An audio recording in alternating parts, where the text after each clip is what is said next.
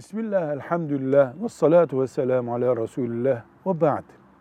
Deniyor ki cehennemin sonu var mı? Yani insanlar bir gün cehennemden çıkacaklar mı topluca ya da bir gün ateşi sönüp cehennem gerçeği bitecek mi? Ümmeti Muhammed'in ilkin gününden bugüne kadar ve kıyamet gününe kadar iman ettiği şudur. Cennet de, cehennem de sonsuzdur.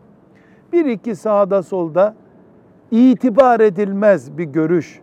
Ya cehennem bir gün sonu olabilir dediyse de bunun ümmeti Muhammed'in ilim dünyasında bir değeri yoktur. Cehennem sonsuzdur. Kafirler sonsuza kadar cehennemde kalacaktır. Tıpkı cennetin sonsuz olup müminlerin orada sonsuza kadar kalacakları gibi. Velhamdülillahi Rabbil Alemin.